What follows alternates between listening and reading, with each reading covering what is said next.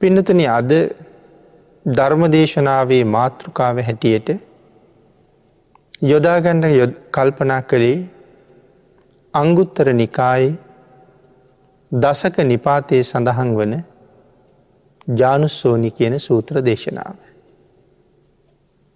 ජානුස්සෝනි සූත්‍ර දේශනාව එක්තරා මිත්‍යා දෘෂ්ටියකට පැමිණිච්ච බ්‍රාහ්මණයෙක් අරමුණු කරගෙන බුදුරජාණන් වහන්සේ දානය පිළිබඳව කරුණු දේශනා කළ මියගිය ඥාතීන්ට පින් ලැබෙනවද නැද්ද කියන කාරණාව පැහැදිලි කළ අපූරු සූත්‍ර දේශනාවක්. එවන් දේශනාවක ජානුස්සෝනි බ්‍රාහ්මණය බුදුරජාණන් වහන්සේගෙන් අහන්න යම් ප්‍රශ්න ප්‍රමාණයක් තියෙනවනම් ඒ ප්‍රශ්නවලට තමයි බුදුරජාණන් වහන්සේ පිළිතුරු සපයලා තිය. දානය පිළිබඳව සියලුම කරුණු එතන අන්තර්ගතයි කියල සඳහන් කරන්නේ. නමුත් ඒ ප්‍රශ්න වලට පිළිතුරු සපේලා තියෙන දේශනාව විතර අහපුුව හම යම් යම් කරුණුකාරණා පිළිබඳව අපිටත් සැක සහගත තැන් මතුවෙන නිසා සූත්‍ර දේශනාව පටන් ගණ්ඩ කලින් මුලින් දේශනා කළ යුතු කරුණු ටිකක් තියෙන නිසා අපි ඒ කාරණාව ටිකක් ධර්ම දේශනාවිදි අද සාකච්ඡා කරමු. පිනතුන දානය අපි හැමෝම හොඳට දන්නවා.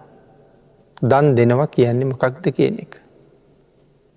තමන් සන්තක යම් වස්තුවක් තියෙනවන ඒ වස්තුවම හෝ එයින් යම් ප්‍රමාණයක් හෝ ලෝභය නැති කරලා දේශය මෝහය නැති කරලා දාන චේතනාව විස්මතු කරගෙන මෛත්‍රී චේතනා පෙරදැරි කරගෙන අමෝහයෙන් නැතං ප්‍රඥ්ඥාවෙන් යුක්තව අනුන් සතු කරල පූජා කරනවට අපි දානයයි කියල කියනවා කෙටියෙන්.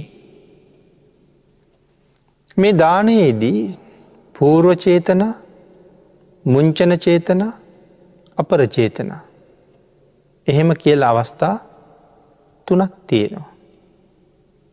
මොකදද මේ පූර්ව චේතනාව කියල කියන්නේ. දන් දෙන්න කලින් ඒ පිළිබඳව පිහිටවන සිත. පූර්ව චේතනාව පහළවෙඩ පුළුහන් අවුරුද්ධකට විතර කලින්. ඊටත් කලින් පහළ වෙන්නත් පුළුවන්. මාසගානකට කලින් පහළ වෙන්නත් පුළුවන් දින කීපයක් තුළ පහළ වෙන්නත් පුළුවන්. එහෙම සඳහන් කළේ යම් කෙනෙක් අහවල් දවසේ අහවල් කාරණාව වෙනුවෙන් දානයක් දිය යුතුයි කියලා යම් දවසක මුලින්ම හිතනවා. ඒ තමයි පූර්ව චේතනාව පහළ වුණ දවස. ඊට පස්සේ දන් දෙන්ඩ ඕනෙ දන් දෙන්නේ කොහොමද. දන් දෙන්නේ කොහෙද. දන් දෙන්නේ කොයි විදිහටද. දන් දෙන්නේ කොහාටද. දානය දෙන්නේ කාටද. මේ ආදි වශයෙන් විවිධ ප්‍රශ්න ගණනාවකට අපි ආය උත්තර හොයනවා. එහෙම කල්පනා කර කර කල්පනා කර කර ටික ටික පින්කමට බඩුමුට්ටු එකතු කරමින් ලෑස්ති කරමින් සූදානන් වෙමින් තමයි අපි පින්කම කරන්නේ. එනම් පින්කම සිදුවෙන මොහොත දක්වාම ඒ සියලුම ක්‍රියාකාරකන් පූර්ව චේතනාවට අයිති. ධර්ම දේශනා පින්කමක් සිදු කරවලා. උතුම් ධර්ම දානමය පින්ක මත්පත් කරගෙන. තමන්ටත් කුසල් ලබල නමින් මිය පරලෝගියපු අයටත් පින්දීල තව බොහෝ දෙනාට පින් රැස්කරගණ්ඩ බණ අහන්ඩ අවස්ථාව උදා කරලත් දීල මේ උතුම් ධර්ම දානමය පින්කම සිදු කරගණ්ඩ මෙහි දායකත්වය දරණ සත්පුරුෂ පිරිස තීරණය කරපු දවසක් තිබුණ. එතකොට මේ ධර්මදානමය පින්කමේ පූර්ව චේතනාව පහළ වෙච්ච දවස තමයි ඉස්සරලාම මේ පින්කම ගැන හිතාපු දවස. එදා හිඳල කොහෙද පින්කම කරන්නේ. කොතනද පින්කම කරන්නේ මේ ආදී වශයෙන් කරුණු ඔක්කොම අයිති පූරු චේතනාවට. දැන් ඒ සියල්ලම නිමා කරලා පින්කම සිදුවෙන මොහොත මේකට කියන්නේ මුංචන චේතනාව. පින්කමේ මධ්‍යස්ථ අවස්ථාව. ඊළඟට පින්කමේ අපර චේතනාව එලබෙනවා. ඒඇන පින්කම ඉවර වෙලා පින් දිය යුතු අයට අපි පින් අනුමෝදන් කරන වෙලාව. එතකොට පිනතින මේ කාරණාව සඳහන් කළේ උදාහරණයක් එක් නමුත් අපි කාරණාව සාකච්ඡා කරන්නේ දානමය පින්කමක් ගැන මෙත් දානමය පින්කමක් නමුත් සාමාන්‍ය ආහාර දානයක් ගැනයි මේ කතා කරන්න. එතකොට මේ විවිධ විවිධ තීරණ අරගෙන අපි කොහොමද දානි දෙන්න කියලා කටයුතු කරනවා. සමහර කෙනෙක් හිතනවා බලු කපුටන්ට දන් දෙනවා කියලා. සමහර කෙනෙක් හිතනවනි මහාලුකු ආනිසංසයක් ලැබෙනවා කියලා. තව කෙනෙක් හිතනවා අසරණ අයට දන් දෙනවා කියලා. තව කෙනෙක් හිතනවා පිළිකාරෝහලට දන් දෙනවා කියලා. තව කෙනෙකුට හිතෙන්ට පුළුවන් වැඩිහිටි නිවාස අනාත නිවාස ළමා නිවාස මේවාගේ තැන්ගොලට දන් දෙනවා කියලා. මේවාගේ කොහාටද දෙන්නේ කියන කාරණාවට එහෙම අරමුණු කීපයක් අපිට ඇතිවෙන්න පුළුවන්. තවත් කෙනෙක් හිතනවා බුද්ධ ප්‍රමුඛ මහා සංගරත්නය වැඩමෝල දන් දෙනවා කියලා.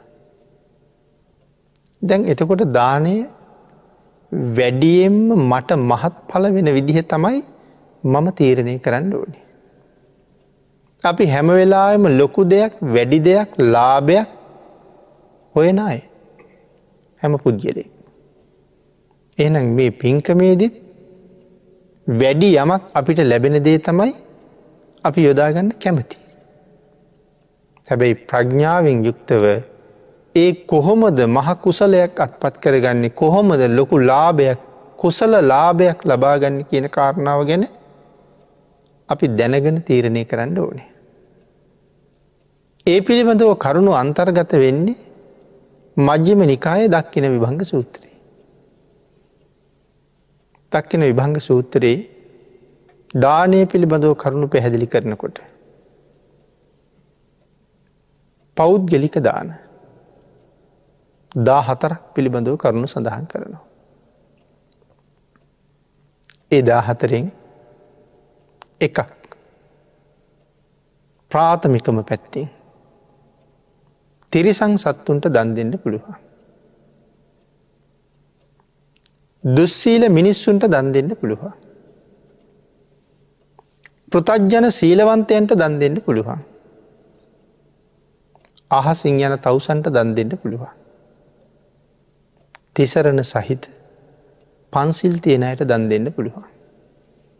කාරණ පහක් සෙහිපත් කළා. මේ තමයි මේ දාන දාහතරේ ප්‍රාථමිකම කාරණා පහ. එතකොට දක්කින විභංගේ සිහිපත් කළා තිරිසං සතෙකුට කෑමවේලක් දුන්නහම. අනාගතය උපදින ජීවිත කීය මගේ බඩිගිනි නිමෙනවද කියලා. මට ජීවිත කීය ආහාර හිග නැද්ද කියලා.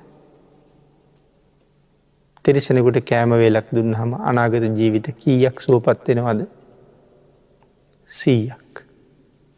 තිරිසෙනෙකුට කෑම දුන්නහම අනාගතයේ උපදින ආත්ම සීයක අපට බඩගිනි වේදනා විඳින්න අවස්ථාව වෙන්නේ නෑ කියල සඳහන් කරනවා. ඒ දානයක්. තිරිසෙනෙකුට වඩා උසස් මිනිහෙක්. එනිසා සඳහන් කළා දුස්සීල මිනිහෙක් කියලා. කාටද දුස්සීල මිනිස්සු කියල කියන්නේ. සාමාන්‍යයෙන් අපි ගමේ ගෙදර කටයුතු කරනකොටත් සාමාන්‍ය මිනිස්සුත් හොඳ නැති මිනිහෙක් කියල කියන අය. තිසරණත් නෑ. පන්සිලුත් නෑ. පංච දුෂ්චරිතයම කරනවා. දස අකුසලේම කරනවා. අං එහෙම අයට කියනවා දුස්සීල මිනිස්සු කියලා. නමුත් කවුරු හරි එවන් දුස්සීල පුද්ගලයකුට හොරෙකුට මංකොල්ලකාරයකුට මිනීමරුවකුට එවන් කෙනෙකුට ආහාර වේලක් දුන්නොත්. අනාගත ජීවිත කීයක් අපිට ආහාරපාන හිගනෑ කියලද සඳහන් කළේ. දාහක්. තිරිසනෙකුට දුන්න හම සීයයි දුස්සීල මිනිහෙකුට දුන්න හම දාහයි. ඊළකට එන්නවා පෘතත් ජනසීලවන්තයා. කාර්ද පින්නතින ප්‍රතජ්ජනයි කියල කියන්නේ අපිට. අපේ මට්ටම ඉක්මෝප උත්තමයන්ට කියන්නේ ආර්යන් වහන්සේල කියලා. එතකොට පෘතජ්ජන සීලවන්ත කියල කියන්නේ අපි විසින් හොඳයි කියලා කියන අයට. ඒ අය බෞද්ධය විතරක් නෙමෙයි. අබෞද්ධය අතරත් ඉන්නවා අපි විසින් හොඳයි කියන අය. එතකොට මේ පෘතජ්ජන සීලවන්තයා සාමාන්‍ය සඳහන් කළොත් ගමේ ගෙදර අපි ඉන්නකොට හොඳ මනුස්සයෝ කියන ජාතියක් ඉන්නවා. කාටවත් කරදර කරන්නේ තමන්ගේ පාඩුවේ ජීවත්වෙනවා. හොඳ මිනිහෙක්. හැබැයි ඒ අයගාව තිසරණ තියෙනවා කියන කාරණාව කියන්නේ නෑ. තිසරණ නෑ බොහෝ වෙලාවට. කොහොමත් තිසරණ ගතාය වර්තමානිත් හොයන්ඩ හරි අමාරුයි. එතොට මේ හොඳයි කියන්නේ ඇයි අපි. සත්තු මරන්නේ දඩේ මේ යන්නේ දැල්දාන්ඩ යන්නේ. හැබැයි දිවිහිමියෙන් සත්තු මරන්නේ නෑ කියල පොරොන්දුවක් තියෙනවද? එහෙම නෑ. මෙ දඩේ මේ ගිහිල්ල දැල්දාලා එහෙම සත්තු මැරුවේ නැතිවුණාට ගෙදරට එනවනම් කැරපොත්තු ගෙදරට එනවනම් හූුණු ගෙදර ඉන්නවනම් මීයෝ ඒගොල්ලු මරණ. නිතරම ගෙදරට කූම්බියනවන උයන තැන කූම්බි ගැවසෙනවන ඒගොල්ලු මරන්ඩ අවශ්‍ය දේවල් පාවිච්චි කරනවා. අරවිදිහ සත්තු මරන්නෑ කියලා කිවී. ඒකයිකේ දිවි හිමියෙන් ප්‍රාණගහත කරන්නෑ කියලා පොරොන්දුවක් නෑ. තමරලාට සරපයෙක්කි නොව ගෙදර. ඉතින් එක සැරයක් දෙකක් තුනක් සර්පය අල්ලලාගෙන හිල්ල දානවා. නැවත නැවතත් දකිනව සමහරලට පැදුරු තියෙන තැන ඉන්නවා එම නැත්තම් පාවහන් ගලෝන තැන ඉන්නවා හැම දාම වලංගණ්ඩ ගිය හම එතන ඉන්නවා දිගින් දිගටම ඉන්නකොට හිතනවා මහකරදරය කරුවලේ වලඳක් ගණ්ඩා හමත් හැපුවොත් කියලා ගෙනහින් දැම්මට ඉවරෙකුත් නෑ කියල මහට මරලදාන. එද දිවි හිමියෙන් ප්‍රාණ ගහත කරන්නෑ කියල පොරොන්දුවක් නෑ. තමන්ට කරදරයක් වෙනවනම් තමන්ගේ දරුවට කරදරයක් වෙනවන මරණ. මදුරුව මරණ එක සාමාන්‍ය කවුරුත් කරනවා. එ ඒවාගේ ප්‍රාණඝාත කරනවා. නමුත් සමාජයට කරදරයක් නැති හින්ද මිනිස්සු හොඳයි කියනවා. කාගෙවත් දේවල් හොරකං කරන්නේ. හැබැයිතින් අත්‍යවශ්‍යම දෙයක් දැක්කොත් සමහරලාට හොරෙන් නොගෙන ඉන්නෙත් නෑ. බැරදිකාම සේවනය කරන්නෙත් නෑ. දිගින් දිගටම අවස්ථාව නොලැබුණොත් ලැබුණොත් සමහර වෙලාවට ඒ අවස්ථාව යොදා නොගෙන ඉන්න එකකුත් නෑ. බොරු කියන්නෙත් නෑ. හැබැයි බේරෙන්ඩම බැරිවුණොත් බොරුවක් කියලා එතරින් මගැරල යනවා. රාරක්කු බොන්නෙත් නෑ. තමන් වියදැන් කරලා බොන්නේ නෑ. හැබැයි උත්සවයකට වගේ ගිහිල්ල කාගෙන් හරි නිකං හම්බෙන වීදුරුවක් තිබුණොත් පාවිච්චි නොකර ඉන්නෙත් නෑ. ආං එහෙම අයට කියනවා පෘතජ්ජන සීලවන්ත. අපිට හොඳයි හැබැයි ඒගොල්ලන්ටත් ආර්යන් වහසල කැමති නෑ. අපිට හොඳ හින්දයි පෘතජ්ජන සීලවන්ත කියල කිය. එතකොට එහෙම පුද්ගලයකුට බත්වේලක් තෙන්ඩ ලැබුණොත්. අනාගත ජීවිත කොච්චරකට මට ඒක සැප විපාක ගෙනල්ලදීද. අනාගත ජීවිත ලක්ෂයක්. තැම් බලන්න ටික ටික ගුණේ වැඩිවෙන්ඩ වැඩිවෙන්ඩ දානය මහත් පල වෙන හැටි. ඊළඟට අභිග්ඥාලාබී තවසෙක්. තිසරණ නෑ. නමුත් අහසින් යනවා. සමතාදී කර්මස්ථාන වඩල බුදු පියාණන් වහසේ පහළ වෙන්න කලිනුත් එහෙමයි හිටිය කලින් හිටිය. පහළ වනාට පස්සෙත් හිටිය. අන්න එහෙම අහසින් යන තවසෙකුට කෑම වේලක් දෙන්න ලැබුණොත් ඒ අපිට විපාක දෙනවා අනාගත ජීවිත කෝටි ලක්ෂයක් දානය කොයි තරම් ශ්‍රේෂ්ඨද.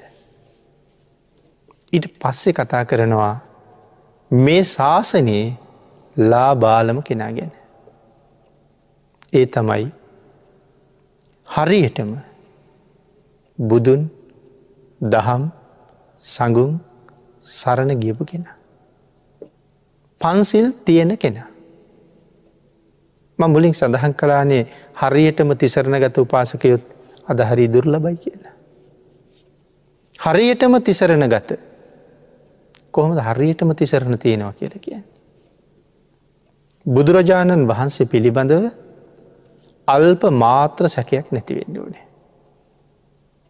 බුදුරජාණන් වහන්සේ දේශනා කලානං එය වෙනවා මයි. භාගිතුන් වහසගේ දේශනාවේ අබමල් රේනුවක වරද අහක දාණ්ඩ දෙයක් අපිට අඩුපාඩු හදන්ඩ දෙයක් නෑ. ඒ නිසා බුදුරජාණන් වහන්සේ දේශනා කලා නං මෙය ප්‍රශ්න කිරීමකින් තොරව තර්ක කිරීමකින් වාද කිරීමකින් තොරව පිළිගණ්ඩ සුදුසු දෙයක් කියන කාරණාවෙන් භාගිතුන් වහසගේ දේශනාව පිළිගන්න. භාගිතුන් වහසත් පිළිගන්නවා. මුලිම බුදුරජාණන් වහස පිළිගණ්ඩපේ. අද ඉන්න හුඟක් අයට බුදුරජාණන් වහන්සේ පිළිබඳව සැකතියෙනවා.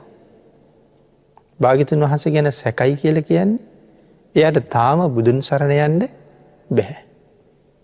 බුදුරජාණන් වහන්සේගේ රූපය ගැන සැකයි. මේ තරං ලස්සනයි කියල කියහම් සමහරයට පිළිගන්න බෑ. බුදුරජාණන් වහන්සේගේ ෂඩ්වර්ණ රශ්මිය ගැන සැකයි. බුදුරජාණන් වහන්සේගේ කාය ශක්තිය ගැන සැකයි. ඒ විතරක්ද සමහරයට බුදුරජාණන් වහන්සේගේ ශරීර ප්‍රමාණය ගැනත් සැකයි. මේවාගේ විවිධ කාරණා ගැන සැකයි. හැබැයිගොල්ලො බනත් අහනවා ඒගොල්ලො දනුත් දෙනවා ඒගොල්ලු පන්සලටත් යනවා ඒගොල්ලො බුදුන් වදිනවා නමුත් මේ සඳහන් කරපු කරුණු වගේම තව සැක කරන කරුණු තියෙනවා. බුදුරජාණන් වහස ගැන. එහෙම සැකයක් තියෙනව නං එයාට තාම බුදුන් සරණයන්ට බැරි වෙච්ච කෙනෙක්. තැන් බුදුරජාණන් වහන්සගේ කායික ශක්තිය කොච්චරද චද්දන්ත කොලේ ඇත්තු දහයක ශක්තිය. බුද්ධ කයේ ශක්තිය චද්දන්ත කුලේ ඇත්තු දහයක ශක්තිය. චද්දන්ත කුලේ ඇතිකුට මිනිස්සු කී දෙනෙකුගේ ශක්තිය ඇද්ද. ඇත්කුල දහයක් තියෙනවනි. චද්දන්ත කුලේ තමයි වන්සවත් මැත්කුලේ.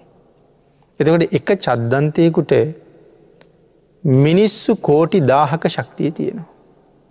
සාමාන්‍ය මිනිස්සු කෝටි දාහක ශක්තිය එක චද්දන්තයකුට තියෙනවා. එතකොට බුදුරජාණන් වහන්සේගේ ශක්තිය කොච්චරද. අපේ පිනතු නහල තියෙන නේද දස බල කියලා. කාය බල දහයයි ඥාන බල දහයයි. එතට කාය බල දහයක් කියල කිය හම චද්දන්ත කුලේ ඇත්තු දහ දෙනෙකුගේ ශක්තිය බුද්ධ ශරීරී තියෙනවා. ඒ තමයි කාය බල. දැඟතකොට මතකද චද්දන්තයකුට මිනිස්සු කීදෙනෙක්ගේ ශක්තිය තියෙනවා කිවද මිනිස්සු කෝටි දාහක ශක්තිය. දහයක නෙමෙයි දාහක ශක්තිය. එතට චද්දන්තයෝ දහයක ශක්තිය බුදුරජාණන් වහසට තියෙනවා. මිනිස් ශක්තිය කොච්චරද්ද මිනිස්සු කෝටි දහදාහක ශක්තිය පියවි බුද්ධ කයේ ශක්තිය. නමුත් පිළිගනීද කෙනෙක්. සැක උපදින්න ඇද්ද කෙනෙකුට. එච්චර ශක්තිය තිබ්බද කියලා. ඒ ශක්තිය ලැබුණෙ කොහොමද කියන කාරණාව උන්වහසේ පාරමිතා පුරුපු හැටිත් එක්ක සාකච්ඡා කරන්න ඕනේ. හරියටම කරුණු කාරණා දැනගත්තාම මේ කාය බලය ගැන කාටවත් සැකයක් නෑ. රූප ස්වභාවය ගැන නං වර්ණා කරලා ඉවර කරන්න ඉවර කරන්න බෑ. ෂඩ්වර්ණ රශ්මිය පිළිබඳව වර්ණා කරලා ඉවර කරන්නත් බෑ. බුදුරජාණන් වහන්සේගේ ශරීර වර්ණය මොන පාටයිද රන්වන් පාටයි. එතකොට අපිට හිතන රත්තරම් පාට මනුස්යෝ ඉන්නාද කියලා. රත්තරං කියල කීවත් අපි ඔය දකින රත්තරං වල පාටත් නෙමෙයි කියල සඳහන් කරන්න. ලෝකෙ හොඳම රත්තරං කොහෙ තියෙනවා කියලද සඳහන් කරන්න. පිනතන ලෝකෙ හොඳම රත්තරං තියෙන්නේ සාගරය ඇතුළි. මහමුහුදී. එතකොට අපි ගාවත් රත්තරං තියෙනවා. ඒ රත්තරනුත් මහමුහුදි කිමිදිලා ගොඩ ගත්තුවා නම් ඒව තමයි හැබෑම රත්තරං. එහෙම නැත්තං මේ රත්තරං සමාන ජාතිය. රත්තරන් තමයි මැනික් හොයනකොට මැනික්වලට ලංවෙන්ඩ ලංවෙන්ඩ මැනික් හා සමාන දේවල් හම්බේෙනවන්නේ. නමුත් ඒත් පහුකරගෙන ගිය හමන හොඳම මැනික් හම්බ වෙන්නේ. ඒ වගේ හොඳම රත්තරං තියෙන සාගරයේ. එතොට අපිකාව තියෙන රත්තරනුත් සාගරයෙන් ගත්තනන් හොඳ මරත්තරන්. ජාම්බෝ නද නිෂ්ක කියල කියන්නේ. බුදුරජාණන් වහන්සේගේ ශරීර වර්ණය ආංගේ රත්තරං වල පාටයි. ඒ කියන්නේ අපේ රත්තරන් දිහා බලල මේ පාටයි ඒ අසම සම මහපුරුෂයාණන් කියන කාරණාවත් අපිට අද හිතන්ඩ හිතන්න බෑ. ඉතින් එතකොට කෙනෙකුට සැක උපදිනවා. ෂඩ්වර්ණ රශ්මිය විහිදෙනකොට. දත්වලින් විහිදෙන රශ්මිය. නියවලින් විහිදෙන රශ්මිය. කෙස්වලින් විහිදෙන රශ්මිය. ලේවලින් විහිදෙන රශ්මිය. එක එක විදිහයි. සාමාන්‍ය කෙනෙකුට දැකල නැති නිසා හරි පුදුමයි විශ්වාසනය. මේ මේ කරුණු විශ්වාස නැති නිසා තාම හරියටම බුදුරජාණන් වහස පිළිගණ්ඩ බැරි වෙලා. එහෙම බැරිවුණ කිසි කෙනෙකුට තාම බුදුරජාණන් වහන්සේගේ සරණ නෑ. එක ඇනි තිසරණයෙන් බුද්ධ රතනය සරණ නෑ එකැන තිසරණ නෑ. ඊළඟට තමයි ඒ දේශනාව සැකනැතුව පිළිගණ්ඩුවනේ. ඊළඟට ආර්ය මහා සංගරත්නය සැකනැතුව පිළිගණ්ඩුවනේ. මේ තෙරුවන සැක නැතුව පිළිගත්ත කෙනාට කියනවා තිසරණ ගත පුද්ගලයෙක් කියලා. තෙරුවන් සරණ ගියපු කෙනෙ. අන්න එයාට කියනවා බෞද්ධය කියලා. තාම එහෙම නූනනං බෞද්ධයෙක් වෙලා නෑ කියල තමයි කියන්නුවේ. අන්න ඒකයි මංකිවේ මේ කාලි තිසරණ ගත අයත් දුර්ලබයි කියලා. බෞද්ධ වගේ ඉන්නවා බෞද්ධ කියලා හිතාගෙන ඉන්නවා නමුත් තුනුරුවන් ගැන සැක තියෙනවා ඒත් බෞද්ධයි කියල තමයි කල්පනාව. සැක හැර පිළිගත්ත දවසට බෞද්ධයෙක් බවට පත්වෙනවා. හැබැයි එතන තියෙන්නේ පුදුම රැකවරණයක්. ඒ කාරණාවල් වෙනම සාකච්ඡා කරලත් තියෙනවා වෙනම සාකච්ඡා කරන්න ඕන කරුණු නමුත් අපි කතා කරන්නේ දානය ගැන. ආං එහෙම නිවැරදිව තුනුරුවන් සරණ ගියපු කෙනා බෞද්ධයි ඒ බෞද්ධකම සම්පූර්ණ වෙන්ඩ පන්සිල් අවශ්‍යයි. පන්සිල් කැඩුනොත් බෞද්ධකම බිඳෙනව කියන කතාවක් නෑ. නමුත් බෞද්ධය කැටීට නියම පලනෙලන්ඩ පන්සිල් අවශ්‍යයි.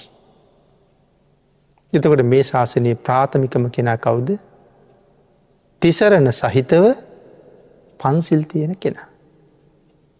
අන්න එහෙම පුද්ගලයකුට කවුරු හරි කෑමවේලක් දුන්නොත්.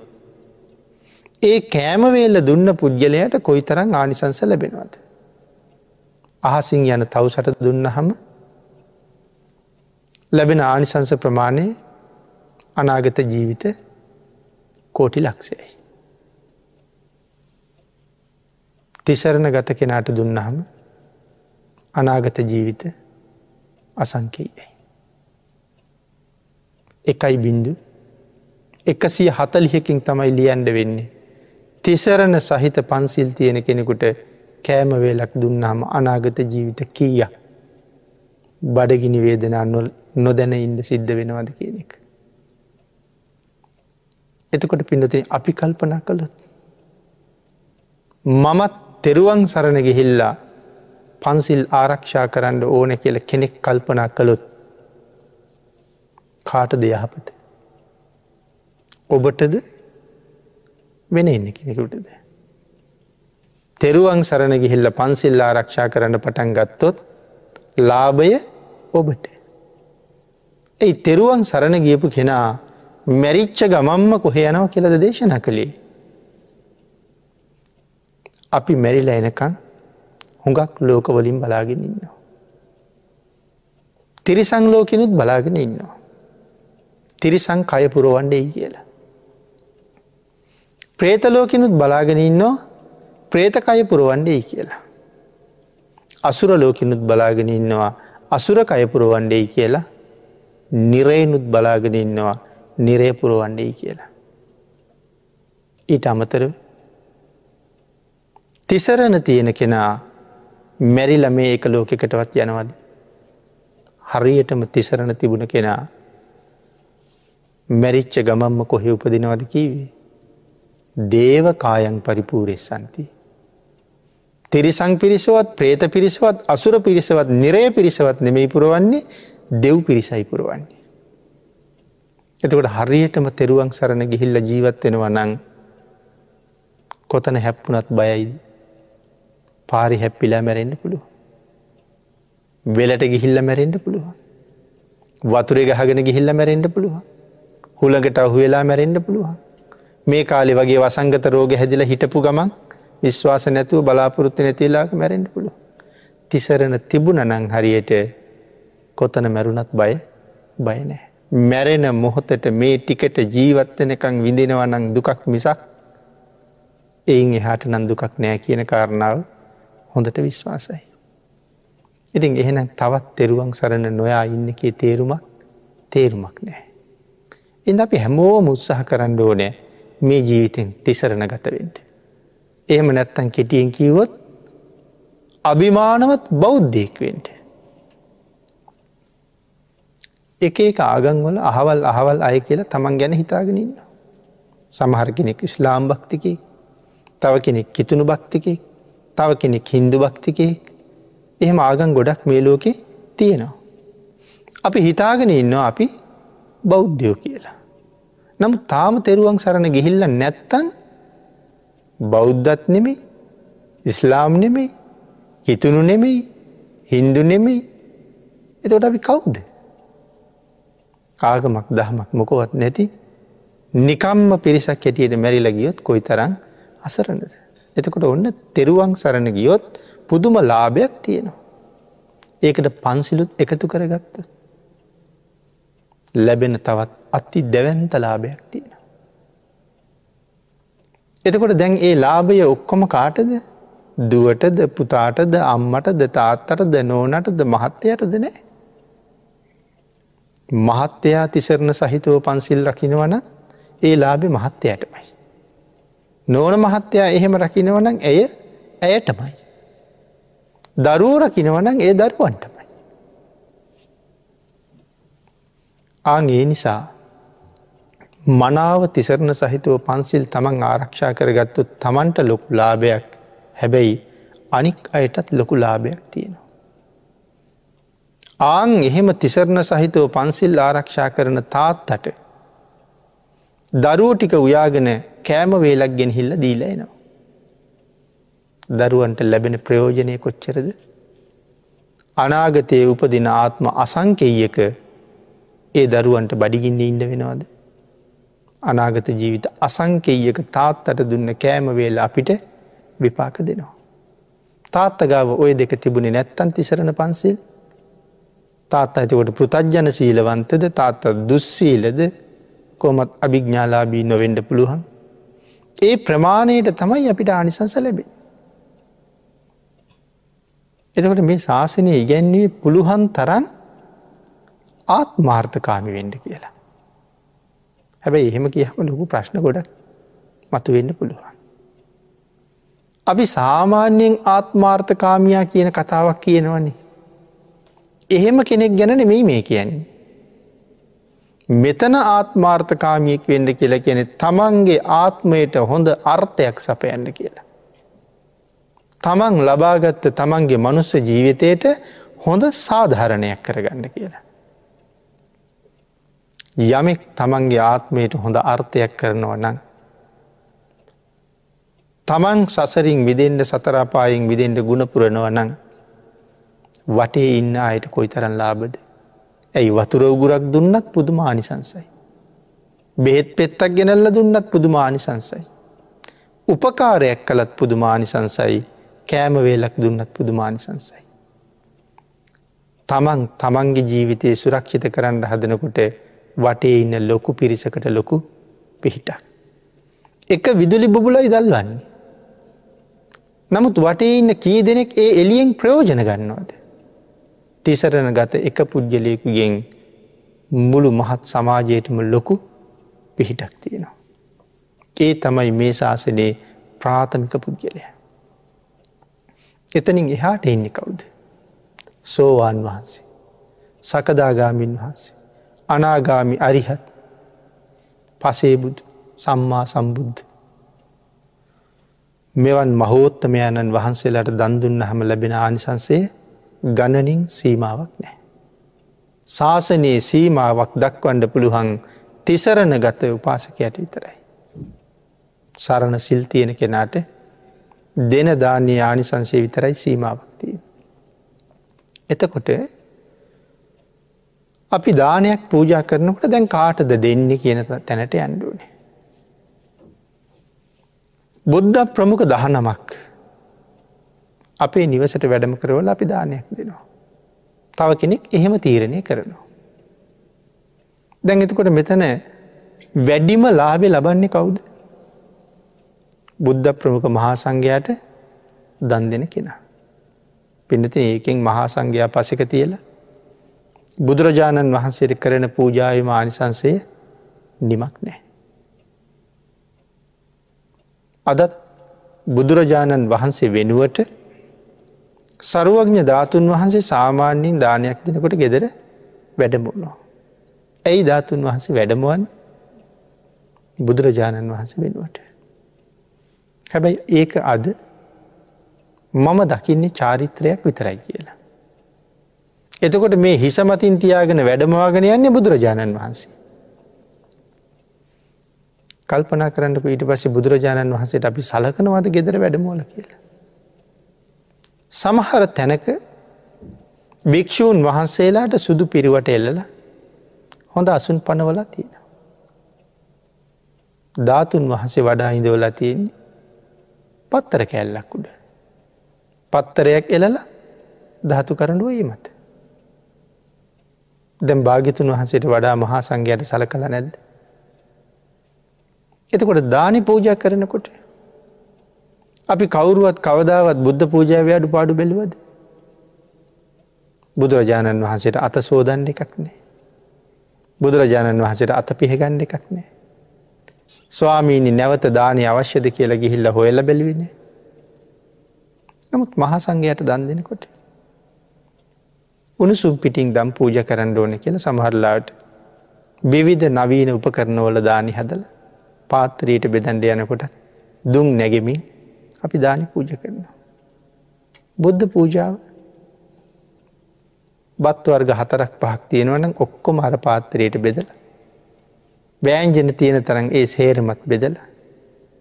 සමහර කෙනෙක් අවුල් පට්ටිකත් ඒ පාත්තරයම තියල.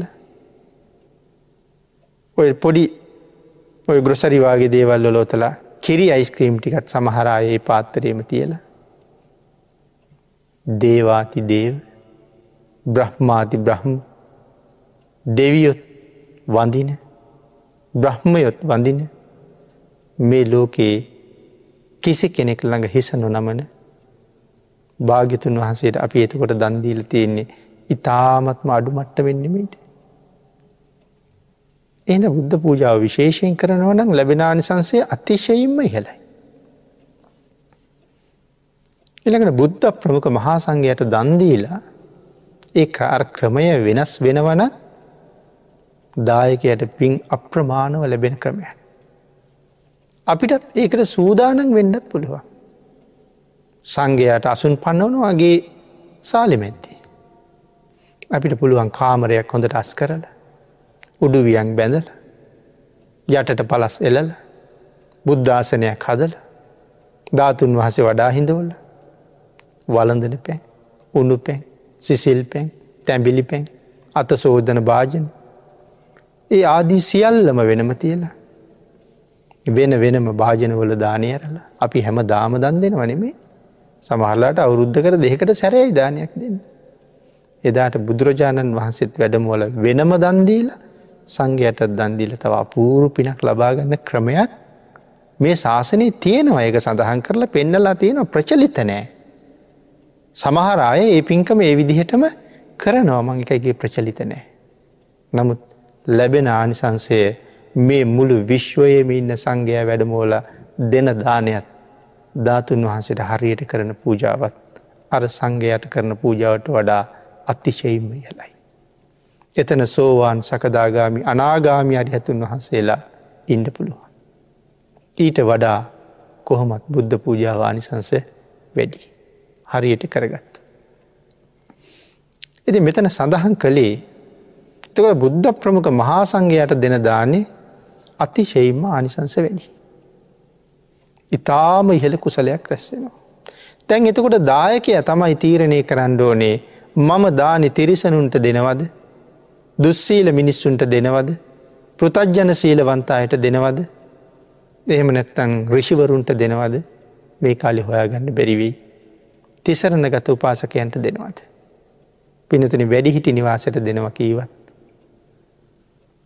මහලු නිවාසයට දෙනව කීවත්. අනාත නිවාසයට දෙනව කීවත් පිළිකාරෝහලට දෙනව කියල කීවත් කොතෙන්ට දුන්නත් ඔය තැන්වල අපිට හම්බ වෙන්නේ කවුද. එක්කො පව්කරපු මිනිස්සු. ලෙඩ වෙලා අසරණ වෙලා පව්කරපු මිනිස්සු. නැත්තන් අර පෘතජ්ජන සීලවන්තාය. අහසින් ගැන රිෂිවරු හම්බෙන්නෑ කොහෙන්වත්. එහෙම නැත්තං තිසරණ ගත උපාසකාය ඒ තැන්වල ඉන්න පුළුවන්. එතකොට ලැබෙන ආනිසන්සේ ප්‍රමාණය දැන් දන්නවා. මොන තරං හොඳට ඇඳල හිටියත් කොයි තරං හොඳට පැළඳගෙන හිටිය මොන තරං උසස් මාලිගාවල් වල ජීවත් වුණ මොන තරං වටින වාහනවල ගමන් විමංගියත් දුස්සීල වෙන්න පුළුව. පෘතජ්ජන සීලවන්ත වෙන්න පුළුවන්.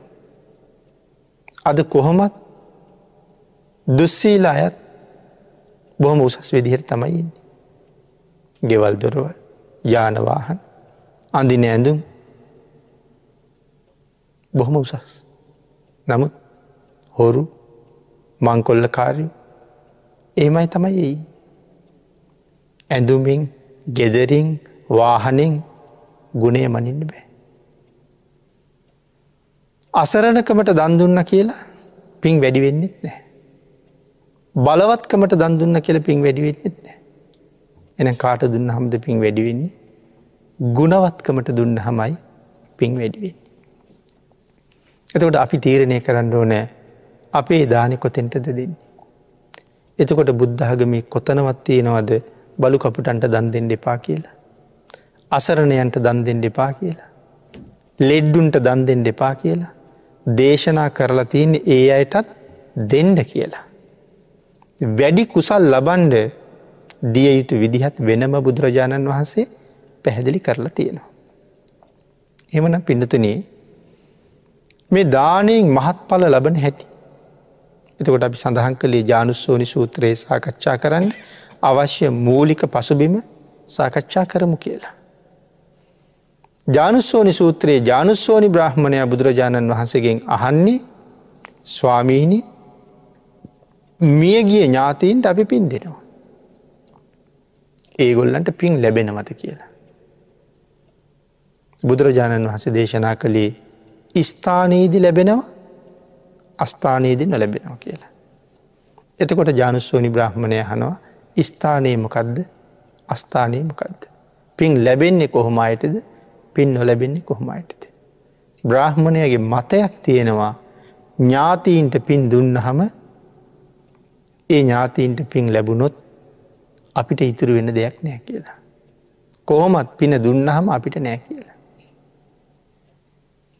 ගෙදර තියෙන යම් වස්තුවක් තව කෙනෙකුට දුන්නහම අපිට නෑනක දීලන හැබැයි පිනේ එහෙම එකක් නෑ දෙන්ඩ දෙන්ඩ පිනට මොකද වෙන්නේ වැඩි වෙනවා දෙන්න දෙන්න වැඩි වෙනවා. එහෙමනම් මේ සූත්‍ර දේශනාව සාකච්ඡා කරන්න දේශනා කීපයක් සිද්ධ කරන්න වෙයි. දීර්ගව සාකච්ඡා කළ යුතු නමුත් අදට බොහොම වටින අපූරු සූත්‍ර දේශනාවක්. නමුත් අද අපේ මේ ධර්ම දේශනාවට වෙන් වෙලා තියෙන කාලය අවසාන වෙලා තියෙන නිසා අපි දේශනාව මෙතනින් නිමා කරමු. මේ පිළිබඳ ඉතුරු කරුණු ටික ඉදිරියට දේශනාවක නැවත දේශනා කරන්න බලාපොරොත්තු වෙනවා.